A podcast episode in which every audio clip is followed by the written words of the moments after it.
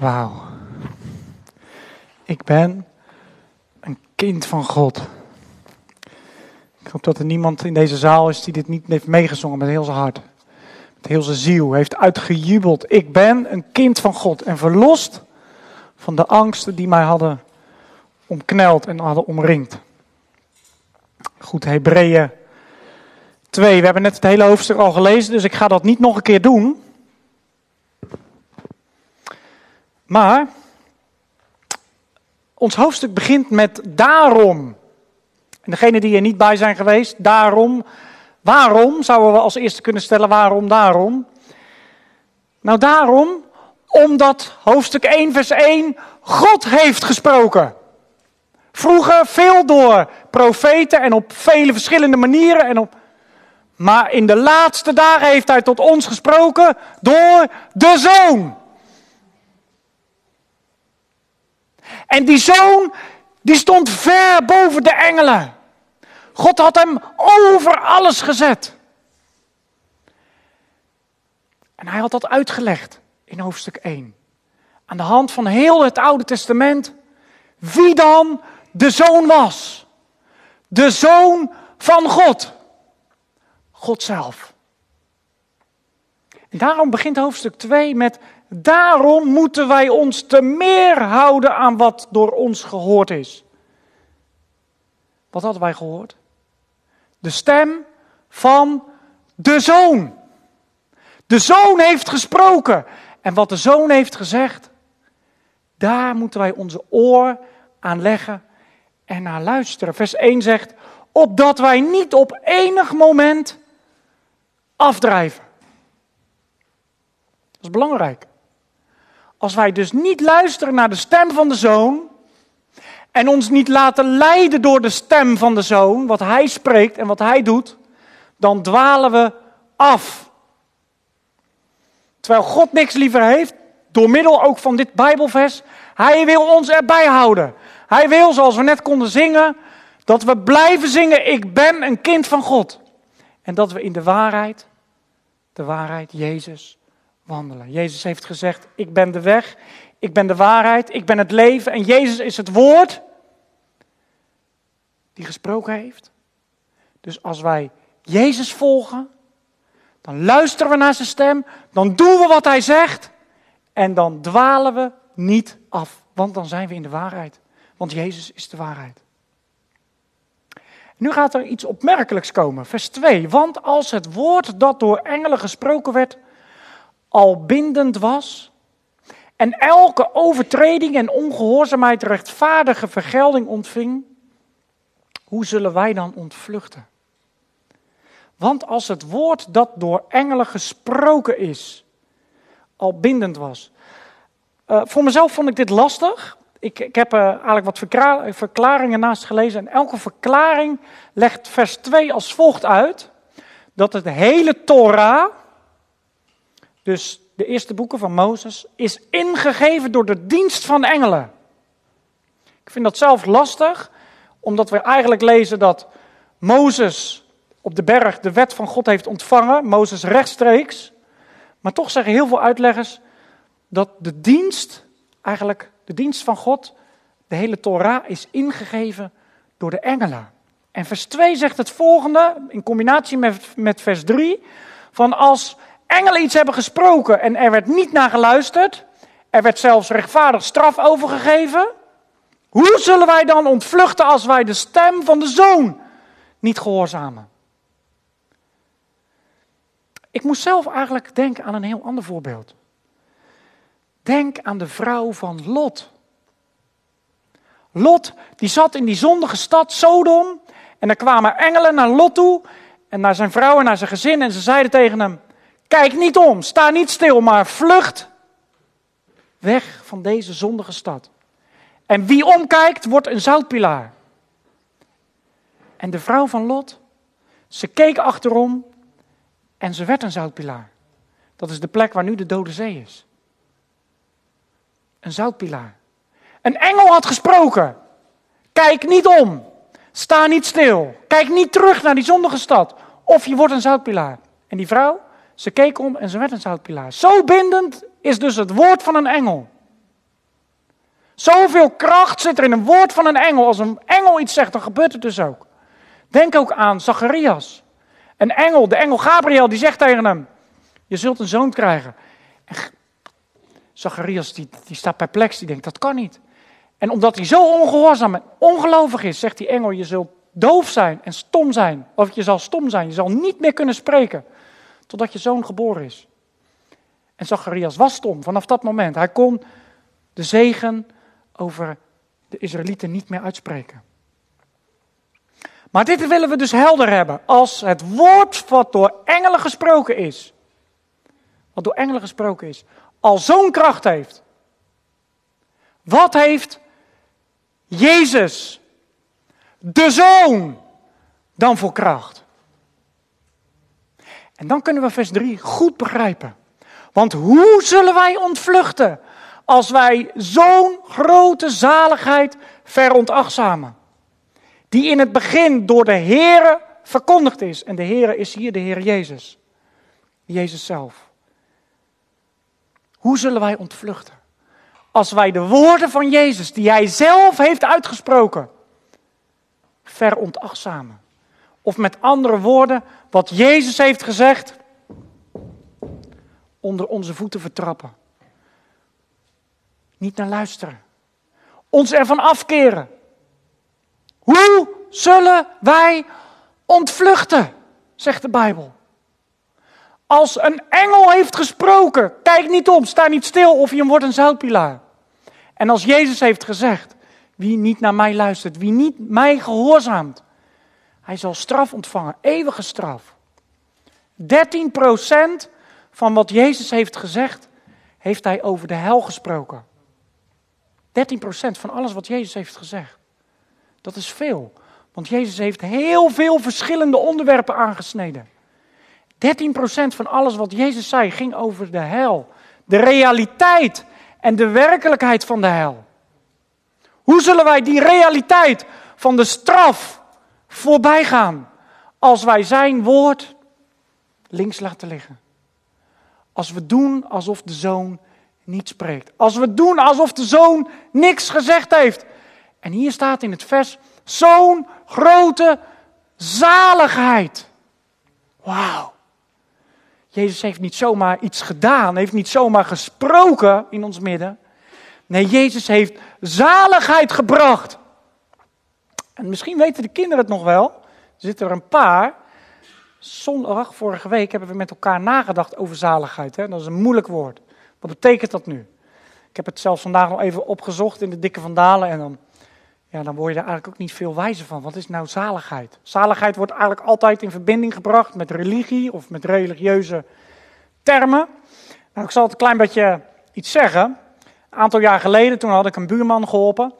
En uh, hele lieve buurman. Ik had voor hem geschilderd en ik wilde daar geen geld voor. Toen kwam hij met een uh, lekker luchtje waar ik heel erg van houd, van Davidoff, Coolwater. Misschien kennen jullie het. Ik vind het een heerlijk luchtje. Ja, hij kwam ermee aan. Hij zegt, dat is zalig.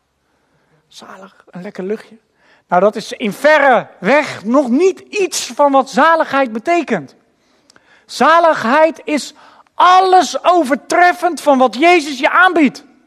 Dat is heerlijkheid. Dat is genade. Dat is vergeving van zonde. Dat is eeuwig leven. Dat is, waar we straks op uitkomen, bevrijd worden van de angsten van de hel. Dat is bevrijd worden van elke vorm van slavernij. Zaligheid is leven in gemeenschap met de Vader. Zaligheid is alles wat uit de hemel als het ware neerdaalt in de vorm van Jezus Christus zelf. Zaligheid is Jezus zelf. En het enige wat u of jij of ik of wie dan ook te doen staat, is die zaligheid te ontvangen. Want hij geeft het aan ieder die gelooft. En dat is wat Jezus had gezegd. Geloof in mij, geloof in mijn Vader. En leven in geloof. En leven door geloof, zodat we, vers 1, niet afdwalen. Dat woord wat door Jezus was verkondigd, is nota bene doorgegeven door de apostelen. Vers 3b. En vers 4, het is, God heeft het door zijn Heilige Geest mede getuigenis aangegeven door tekenen, wonderen en allerlei krachten en gaven van de Heilige Geest, overeenkomstig zijn wil. Dus alles wat hij heeft gezegd, heeft hij betrouwbaar gemaakt door wat hij heeft gedaan. De apostelen kunnen we lezen in de brief, de handelingen, het Bijbelboek Handelingen. Jezus heeft wat hij vroeger had gezegd bekrachtigd door de apostelen heen. De Bijbel zegt het als volgt. God bevestigde het evangelie door tekenen en wonderen. En velen zeggen dat was voor toen.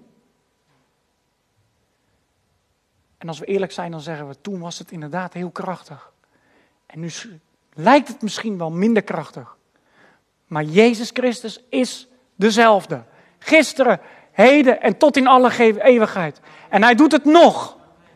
Ik las van de week dat de opwekking gaande is in Taiwan. Eén doopdienst, 279 zielen. Eén doopdienst. Dus wat toen kon, kan hij nu nog.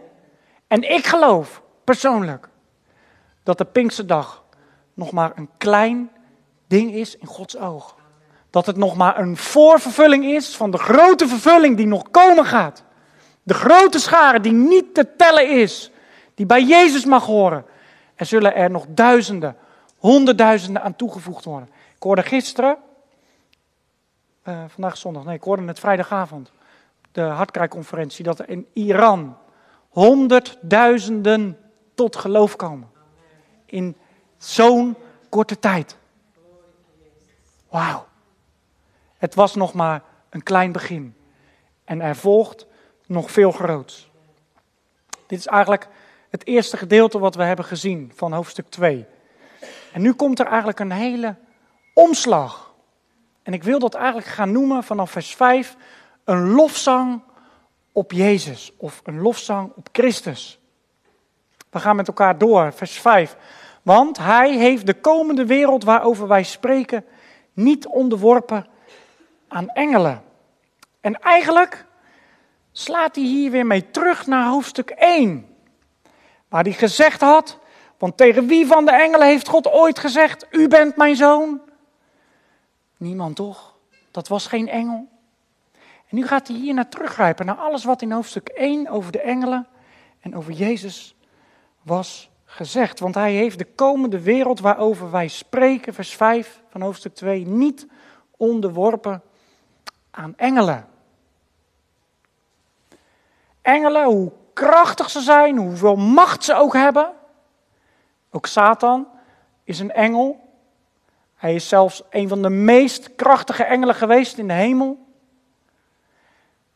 Zelfs Satan heeft de macht niet over de hele aarde. Want er staat hier geschreven: God heeft de wereld niet onderworpen aan de engelen. Wie heeft alle macht? Dat is Jezus. We gaan daar naartoe werken. Want hij gaat nu een citaat uit Psalm 8 citeren. We hebben daar net van gezongen tijdens het, met het lied van Sela, maar iemand heeft ergens gezegd. Daar bedoelt de schrijver van de Hebreeën mee. Dat is de schrijver van Psalm 8. Wat is de mens dat u aan hem denkt? Of de mensenzoon dat u naar hem omziet? Wat is de mens? Als we Gods schepping zien in het geheel, we zien de, we zien de aarde, we zien de zon, we zien planeten, dan zijn wij, op die, zijn wij in het heelal zijn we een aardbol met minuscuul kleine stipjes. En die psalmist die zei het, wat is nou een mens? We doen soms wel eens heel erg groot van onszelf. En we voelen onszelf misschien wel eens heel wat. Maar wat zijn we nu? En zeker als we kijken in het licht van God, wie God werkelijk is, zijn grootheid, zijn macht, zijn gezag, wat zijn we dan? En God denkt aan die kleine mensjes, die soms nog zo groot van zichzelf denken. God denkt aan hen. En die psalmist is er verbaasd over, wat is de mens? Hij ziet zijn eigen kleinheid, hij ziet hoe klein hij is. Wat is de mens? dat u aan hem denkt.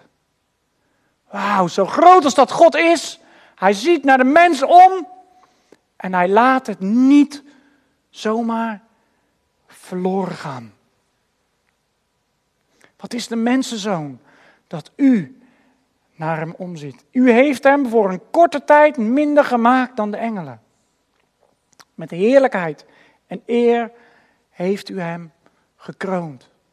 Als we kijken naar het paradijs, hoe de mens met eer en heerlijkheid was gekroond. In rechtstreekse verbinding en harmonie met God. Eer en heerlijkheid had God aan ons gegeven. Maar die heerlijke kroon hebben we als het ware van ons afgegooid. Door Hem ongehoorzaam te zijn. Die eer en die heerlijkheid die we hadden, die hebben we verloren. En u heeft hem gesteld over de werken van uw handen. Als we kijken naar wat God zegt tegen Adam. God had tegen hem gezegd: Je zal heersen over de vissen in de zee en de vogels in de lucht. En ergens kunnen we dat soms een heel klein beetje zien. We kunnen, eh, er zijn vogeltemmers, zo'n valkenier of zo, die kan een vogel temmen. Die heeft een bepaalde macht over zo'n dier. Maar ergens is het ook weer niets bij wat het had kunnen zijn of wat het geweest is. God had ons gesteld over de werken van zijn handen. Maar dat hebben we totaal vernietigd. Kijkt hoe wij als mensen de aarde verruineren. Met alle problemen en gevolgen van dien. Alle dingen hebt u onder zijn voeten onderworpen. Want bij het onderwerpen van alle dingen aan hem heeft hij niets uitgezonderd. Kijk, ik heb deze versen net uitgelegd met de gedachte naar ons toe. Maar ik heb net gezegd, we zien hier eigenlijk een lofzang op Jezus. En als we deze versen nog eens opnieuw gaan bekijken, en dan in het licht van Jezus. Wat is de mens dat u aan hem denkt? En wat is de mensenzoon dat u naar hem omziet? De mensenzoon, waarvan Jezus altijd van zichzelf sprak, de mensenzoon. Wat is de mens? Hier staat de mensenzoon, volmaakt, heilig, rechtvaardig. Wat is de mensenzoon? Nou, hier staat het beeld van God. Zoals God het had willen zien. Hier staat hij, de mensenzoon. Met de macht over de natuur. Hij spreekt tegen de vijgenboom. En hij verdort. Hij spreekt tegen de ziektes en ze verdwijnen. Hij spreekt tegen de natuur, de zee, zijg stil. En de golven gaan liggen. Onmogelijk. Onmogelijk. De wind kan wel gaan liggen. Maar als er golven zijn op een meer. En het heeft gestormd en de golven zijn hoog geweest dan deint dat nog dagen na. Die golven zijn niet zomaar weg. Maar als Jezus spreekt, de golven zijn stil. Als Jezus spreekt, de wind moet gaan liggen. U heeft hem alles onder de voeten onderworpen. De hele natuur, de hele schepping ligt onder Jezus' voeten. Alle dingen hebt u onder zijn voeten onderworpen. Hier spreekt de schrijver van de Hebreeënbrief expliciet op Jezus, want hij gaat hier ook de hoofdletter gebruiken in hem. Want bij het onderwerpen van alle dingen aan hem heeft hij niets uitgezonden dat hem niet onderworpen is. Daarom hebben we er net ook gezongen. Jezus overwinnaar op deze tekst van, dit, ja, van deze tekst. Jezus overwinnaar. Jezus, hij heeft werkelijk alles onder zijn voeten. De machten van de hel. Hij triomfeert erover. Het is onder zijn voeten vertrapt. Het is als niets in Gods ogen. Nu komt er een omslag in de tekst. Maar wij zien niet dat hem alle dingen onderworpen zijn. Is dat herkenbaar? We zingen het. We beleiden het. We geloven het maar we zien het niet. Klopt dat in je leven? Ik denk dat het klopt. Broeder Henry die stuurde, we gaan een tijd van zegen tegemoet. Maar de boos die probeert het aan te vallen. We zien dus dat die engelen, gevallen engelen, de duivel in dit geval, nog wel een bepaalde macht heeft. Hoe leggen we dat nu uit? Hoe moeten we dat nu zien? Geloven we dan in een fabeltje? Geloven we in iets hocus pocus? Kinderen, ik wil jullie erbij betrekken. Wie, of hoe, hoe heet de koning van Nederland? Kiano. Koning Willem-Alexander. Oké. Wie heeft koning Willem-Alexander wel eens in het echt gezien, met zijn ogen? Met zijn ogen? Ja? In het echt? Of op televisie? In het echt. Er is één iemand, oh, nog iemand. Er zijn dus twee mensen die hebben koning Willem-Alexander in het echt gezien. Maar stel je nou eens voor, ga maar mee terug in de tijd. Ja? Koning David is koning. Er waren nog geen filmcamera's en geen fototoestellen. Er was geen televisie en al die dingen die waren er niet. Heel Israël wist dat koning David koning was. Of dat ze nu in Dan woonden, helemaal boven. Of ja, Dan is geloof ik beneden, Berseba boven, ik weet eigenlijk niet. Of Dan tot Berseba, dat is een uitdrukking in de Bijbel. Dat je nou helemaal hoog in Israël woonde of laag in Israël. je, hebt, je wist het, koning David is onze koning, maar misschien hadden ze hem nooit gezien. Wij kunnen onze koning zien op televisie en we kunnen hem horen op de radio en kunnen op internet opzoeken en dan zien we honderden foto's en filmpjes. We zien nu dat hij een baard heeft. We weten het allemaal. Maar Jezus kunnen we toch niet zien? Nee, we zien hem nog niet met onze ogen, toch? En toch zeggen we, net als die mensen in Israël, hij is onze koning. Al hebben we hem nooit gezien met onze natuurlijke ogen. En ik wil daar nog iets bij zeggen, jongens. Kennen jullie eh, Genesis 3? Daar wordt gesproken over een moeilijke term in de theologie, dat is de moederbelofte. Dat is moeilijk, hè? Maar misschien kennen jullie deze zin wel. God gaat daar een afspraak maken met Eva. En hij zegt: Ik zal vijandschap zetten tussen u, dat is de duivel, en tussen deze vrouw. Kennen jullie deze tekst? Ik zal vijandschap zetten tussen u, dan spreekt God tegen de duivel, en tussen deze vrouw. Tussen uw nazaad en tussen haar nazaad. En dat zaad van haar, dat is het zaad van Eva, zal u de kop vermorzelen. Moeilijke tekst, hè? Ik zal het proberen eenvoudig te maken. Kijk, hè. Eva heeft kinderen gekregen. Adam en Eva. En die kinderen kregen kinderen. En die kinderen kregen kinderen. En die kinderen kregen kinderen. En zo is de aarde uit één bloed heeft God het ganse menselijk geslacht gemaakt, zegt de Bijbel in Hebreeën. Uit één bloed. Dus uit het geslacht van Adam en Eva. Nou heeft God iets beloofd in de moederbelofte. Hij heeft gezegd, jij zal zaad krijgen, dat betekent je zal in de verre toekomst een kind krijgen, dat betekent zaad. En dat zaad, dat zal jou, Satan, de kop vermorzelen. Wauw, dat hebben we gezien. Aan het kruis van Golgotha, daar heeft Jezus, de duivel, zijn macht verbroken. Zijn kop is vermozzeld toen hij opstond. En Jezus staat als het ware met zijn voet op de kop van Satan. Maar zijn staart roert als een malle. Zodat wij soms wel eens zeggen: Satan gaat rond als een briesende leeuw. Soms denken we misschien wel bijna heeft Jezus wel werkelijk zijn kop vermorzeld? Is hij nou echt zijn kracht verloren? Hou dan altijd dit beeld voor ogen. Wij zien niet dat hem alle dingen onderworpen zijn. Maar wij zien Jezus. Het oog van geloof zegt, wij zien Jezus. Met eer en met heerlijkheid gekroond. Met met ogen van geloof kijken we dwars door de duisternis heen en zien wij Jezus in de hemel, aan de rechterhand van de Vader. We zien zijn eer, we zien zijn heerlijkheid. Ja, we zien ook de machten van de hel. We zien ook hoe Satan tekeer gaat. Hoe hij listig iedereen probeert te verleiden. Hoe hij rondgaat met ziektes, met kwalen, met allerlei dingen om ons oog van Jezus af te houden.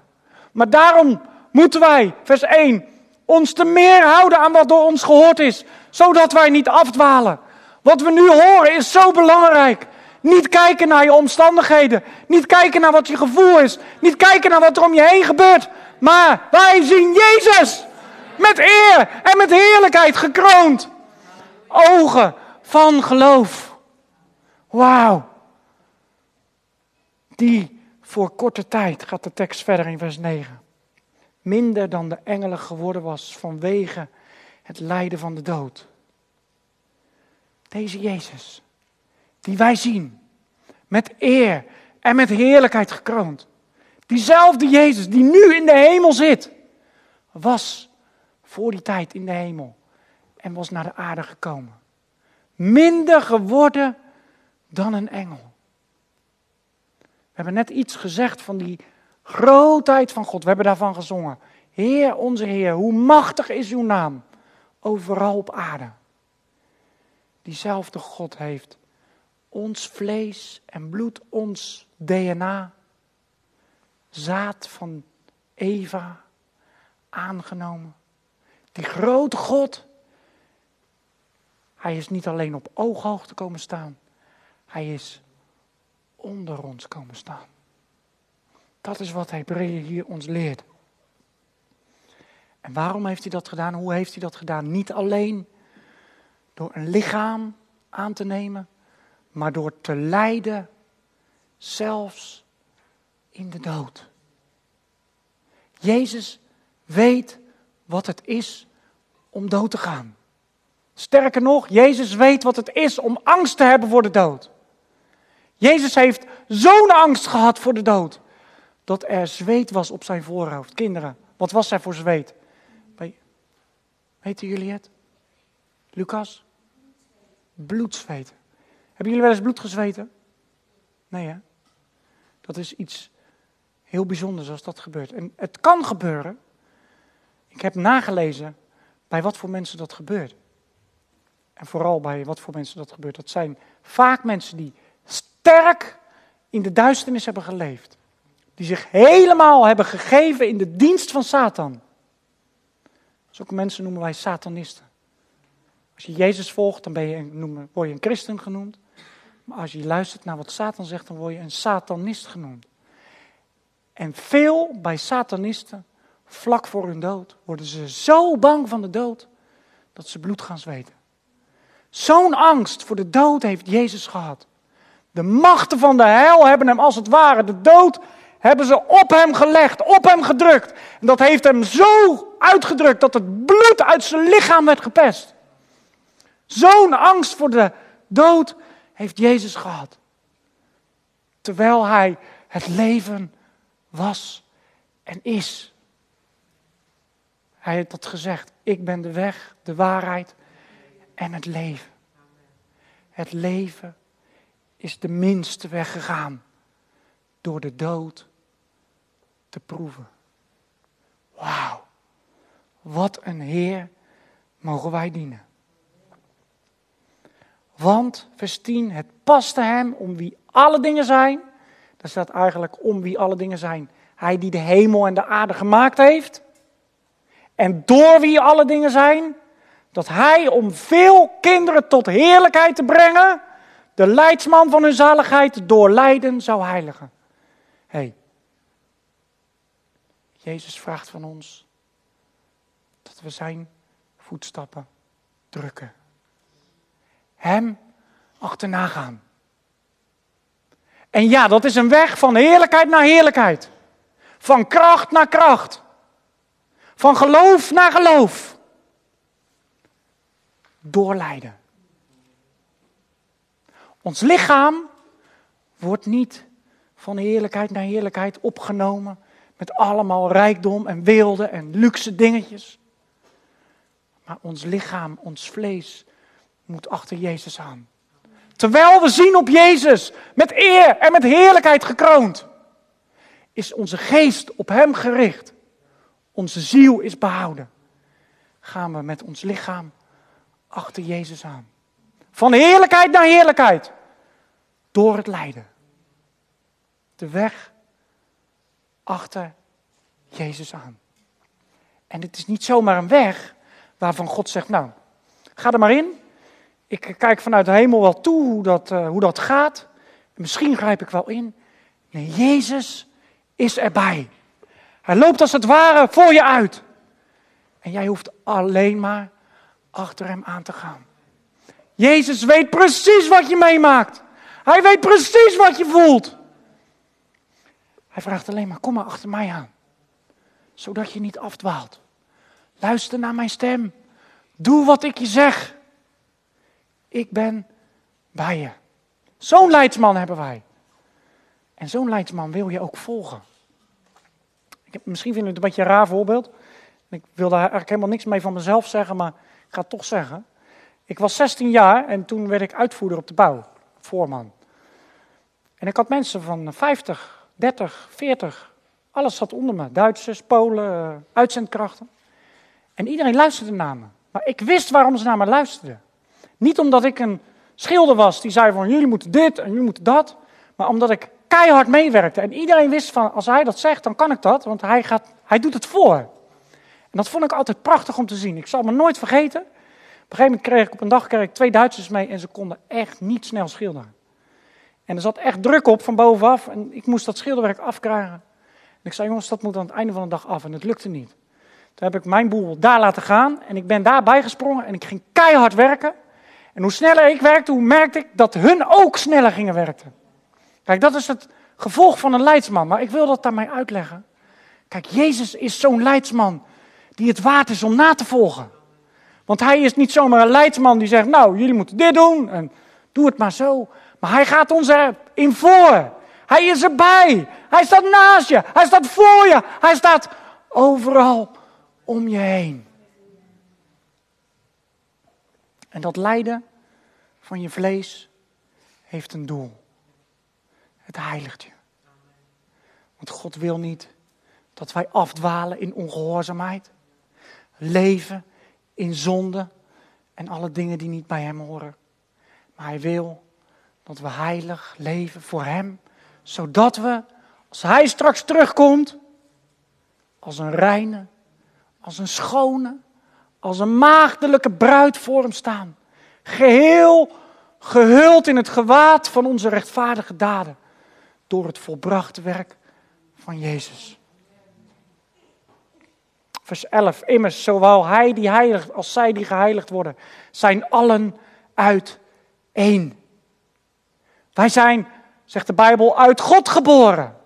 Wij zijn uit Hem. Wij zijn allen uit één. En daarom schaam deze leidsman, deze Heer, het woord van God zelf, de Zoon die gesproken heeft.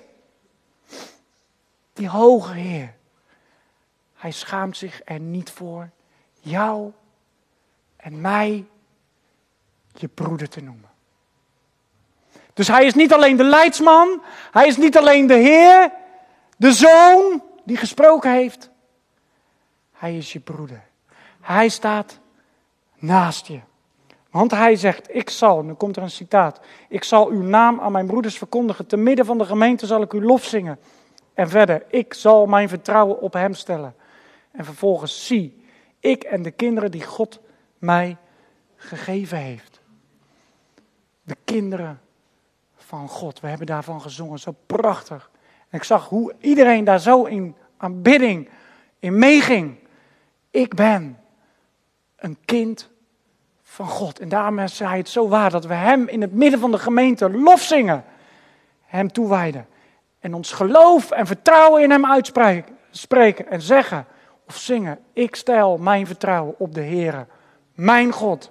Want in zijn hand is heel mijn levenslot. Ook al is mijn weg moeilijk. Ook al is mijn weg zwaar. Mijn leven ligt in zijn hand. Omdat nu de kinderen, vers 14, van vlees en van bloed zijn, heeft hij eveneens daaraan deel gehad. Ik heb daar net eigenlijk al genoeg over gezegd. Jezus heeft ons DNA aangenomen. Hij heeft deel gehad aan alles wat wij hebben. En dan komt er een prachtig vers. Om door de dood heen. Dus Jezus heeft aan het kruis. Ja, de dood was niet zo machtig dat het Jezus overwon. Maar Jezus zei: Ik heb de macht om het leven af te leggen en het opnieuw aan te nemen. Jezus gaf zichzelf in de dood. Niet dat de dood meester werd over hem, dat het hem overweldigde, maar hij gaf zichzelf in de dood. Om, dat is de duivel, de macht van de dood, dat is de duivel, te niet te doen. Dat De dood van Jezus, dat had een doel. Dat was om de kop van Satan te vermorzelen. Onder zijn voeten te vertrappen. En het doel gaat nog verder. Het was niet alleen om de duivel zijn macht te verbreken, maar het gaat nog verder. Nu komt het ook weer naar ons toe. En allen te verlossen die door de angst voor de dood gedurende heel hun leven aan slavernij onderworpen waren. Herken je dat? Angst voor de dood. Dat zit er gewoon in. Dat is gewoon je natuur. Want God heeft in ons het leven gelegd. En het leven is er niet voor de dood. Ik moet daar, echt hoe vaak ik het ook doe, moet ik daar heel vaak aan denken als ik een mug met een mug in mijn pak. Weet je, zo'n mug, die wil niet dood. Die vlucht voor de dood. En dat is onze natuur. Elk dier wat we willen vangen, is angstig voor de dood. Dat is het leven. Dat is iets van God zelf. Want God is leven. En Jezus is leven. En alles wat bij leven hoort, is geen dood. Er zijn wel eens mensen die zeggen op een begrafenis of zo, of als iemand is gestorven, ja, dat is het leven. Nee, dat is het leven helemaal niet. Dat is de dood. Dat is de grote tegenstelling, zoals je zwart en wit hebt, licht en duisternis hebt. Dood en leven, dat zijn de twee grote tegenstellingen, die horen niet bij elkaar. En Jezus is gekomen, hij heeft de dood geproefd. Hij heeft de macht van Satan verbroken. Waarom? Zodat hij de angst uit jouw leven kan wegnemen. Waardoor je werd geknecht. Waardoor je als slaaf onderworpen was aan de angst voor de dood, voor alles wat komen gaat. En zelfs al die leuke uitjes en al die plezierige dingen in het leven, die nemen de angst voor de dood niet weg. Echt niet. Mensen die leven misschien, lijkt wel heel gelukkig. Ze leven in voorspoed, zonder gedachte aan God. Maar altijd is daar die gedachte aan de dood. En dat beknelt hun. Dat slaaft hun als het ware. En Jezus is gekomen om die slavernij te verbreken. Om die angst uit je leven weg te nemen. Daarom had ik ook vrijmoedigheid om dat te laten zingen. Niet meer langer een slaaf van angst. Omdat Hij regeert. Omdat Hij mijn Heer is. Omdat Hij voor mij door de dood heen het leven heeft bereid. Halleluja. Het gaat nog verder, want werkelijk, hij neemt niet de engelen aan, maar hij neemt het nageslacht van Abraham aan.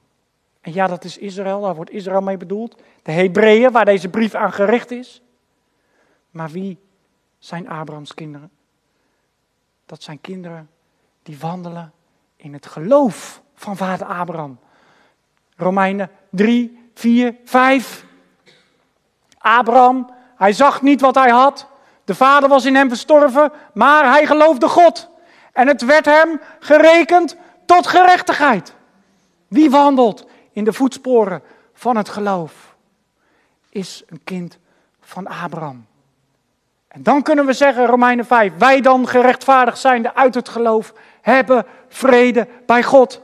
Door onze Heer Jezus Christus. Wauw.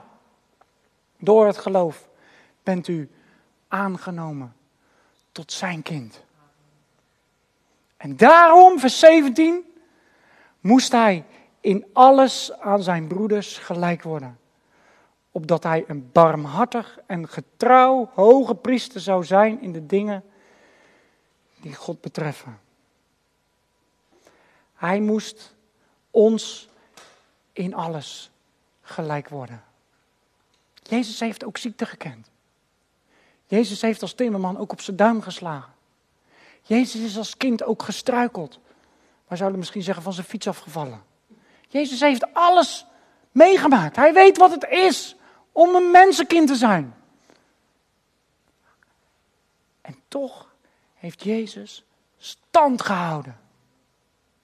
Daar waar wij zijn gestruikeld, daar waar wij zijn gevallen in de zonde, in de verleiding van de zonde, heeft Jezus stand gehouden. En daarmee heeft hij laten zien, ik ben de hoge priester. Ik ben het waard om tussen God en tussen de mensen in te staan. Dat is wat een priester doet. Tussen God en tussen de mensen staan. Maar wie kan er nu een priester zijn en zo'n priester zijn. Dat hij werkelijk, ik ga het misschien een beetje, beetje ehm, ja, mijn woorden doen eraan tekort, maar wie kan er bemiddelen tussen God en tussen mij? Dat kon een hoge priester in het Oude Testament niet. Want hij had zelf ook gezondigd. En toch werd hij daardoor aangesteld. En Jezus is een getrouw hoge priester geweest. Zo getrouw dat hij werkelijk tussen God en tussen ons in kan staan. En kan zeggen, vader, zie mijn wonden. Zie mijn bloed. Zie wat ik geleden heb. Voor, nou vul je naam maar in, voor mij. Want waarin hij zelf geleden heeft, vers 18, toen hij verzocht werd, kan hij hen die verzocht worden te hulp komen. Vorige week, of de vorige keer zijn we afgesloten met de bemoediging, weet je nog? De engelen staan je bij. Je staat niet alleen. Nee, je staat sowieso niet alleen, want we volgen Jezus, onze leidsman, en hij is voor ons, hij is achter ons, hij is naast ons, hij is om ons heen. En hij kan je werkelijk helpen op het moment dat je verzocht wordt. Die verzoeking die ervaren we allemaal, dagelijks. Verlangens van binnenuit. Omdat je vlees gewoon niet zich wil onderwerpen aan de wet van God. En het kan ook niet, zegt de Romeinenbrief. Ons vlees is altijd zondig van aard. Omdat het van Adam afkomstig is. Van Eva afkomstig is. Hetzelfde bloed als Adam en Eva. En Jezus zegt, ik wil je helpen. Ik wil je helpen bij die innerlijke verzoeking. Want ik heb ook die innerlijke verzoeking gekend. Maar ik heb stand gehouden. En ik wil jou helpen stand te houden tegen die innerlijke verzoeking. Maar Jezus heeft ook verzoeking buiten vanaf gekregen. Door wat hij zag. Door wat hij hoorde. En wij hebben in onze tijd ongekend veel verzoeking van dingen die we zien en die we horen. Op de radio, op de televisie, op internet, op reclames, op ons werk. Het maakt niet uit. We hebben zoveel verzoekingen. Maar Jezus, Hij wil je helpen. Om die verzoeking die buiten van afkomt, op je afkomt, om daar weerstand tegen te bieden. Jezus kent ook de verzoeking van Satan. Satan vroeg aan hem: Heb je honger? Nou, maak dan van deze steentjes brood, joh. kan jij toch? Je bent toch Gods zoon? Maar Jezus zei: Ga weg, Satan. Hij bestreed Satan met het woord van God. En zo wil diezelfde Jezus, die stand hield tegen de verleiding van Satan, jou en mij helpen om stand te houden tegen de verleidingen van Satan, tegen de verleidingen van buitenaf, tegen de verleidingen van binnenuit. Wat voor verleiding er ook naar je toe komt, ga naar Jezus toe. Hij wil je helpen. En eigenlijk zeg ik het verkeerd. Ga naar Jezus toe, dat betekent dat je van hem afgedwaald bent. Blijf in mij, zegt Jezus. En ik in u. Dan ben je één. En dan wordt de Vader verheerlijkt. En de Vader wordt verheerlijkt dat u veel vrucht draagt. En hoe draag ik vrucht? Door in Hem te zijn. In Jezus te blijven. Hem na te volgen. Ja, dat is een weg van lijnen. Maar geestelijk zien we Jezus. We zien hier, zien we, in ons vlees zien we duisternis. Ervaren we moeite, ervaren we strijd, worden we verzocht. Maar wij, en spreek het met me uit, zien Jezus met eer en heerlijkheid gekroond. Dat is waar we voor leven. Om straks met Hem verenigd te zijn. En Hem niet meer met geloof te zien, maar met ons lichamelijke oog Jezus te zien. Dan wordt geloof aanschouwen. En zullen we eeuwig met Hem zijn. Wie we nu dienen, in geloof. Met Hem zullen we eeuwig zijn. In gemeenschap. In volle vreugde. In volle verzekering. Met eeuwig leven. Zonder verzoeking. Zonder duisternis. Zonder moeite. Zonder angst. Zonder pijn. Zonder alle aardse moeilijkheden. eeuwig met die Jezus.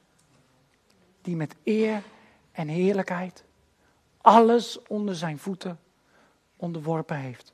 En dat moment dat we niet meer alle dingen aan hem onderworpen zien, dus dat moment dat we, dat we eigenlijk nog ons afvragen, is hem nu wel werkelijk alles onderworpen? Dat moment dat we eigenlijk nog steeds denken van Satan, hij gaat nog steeds rond, dat gaat voorbij. Want ook die slangen staart zal vermorzeld worden en zal geworpen worden in de put die brandt van vuur en zilver. En als u of jij of ik niet gelooft en de weg van Jezus gaat, niet luistert naar zijn stem, zal dat hetzelfde deel zijn. Die put van vuur en zilver. En laat je daar maar bang door maken. Laat daar maar angst voor bestaan voor de hel. Zodat je Jezus vreest en de Heer vreest en Hem navolgt. Dan zal eeuwige heerlijkheid jouw deel zijn. Samen met Jezus. Amen.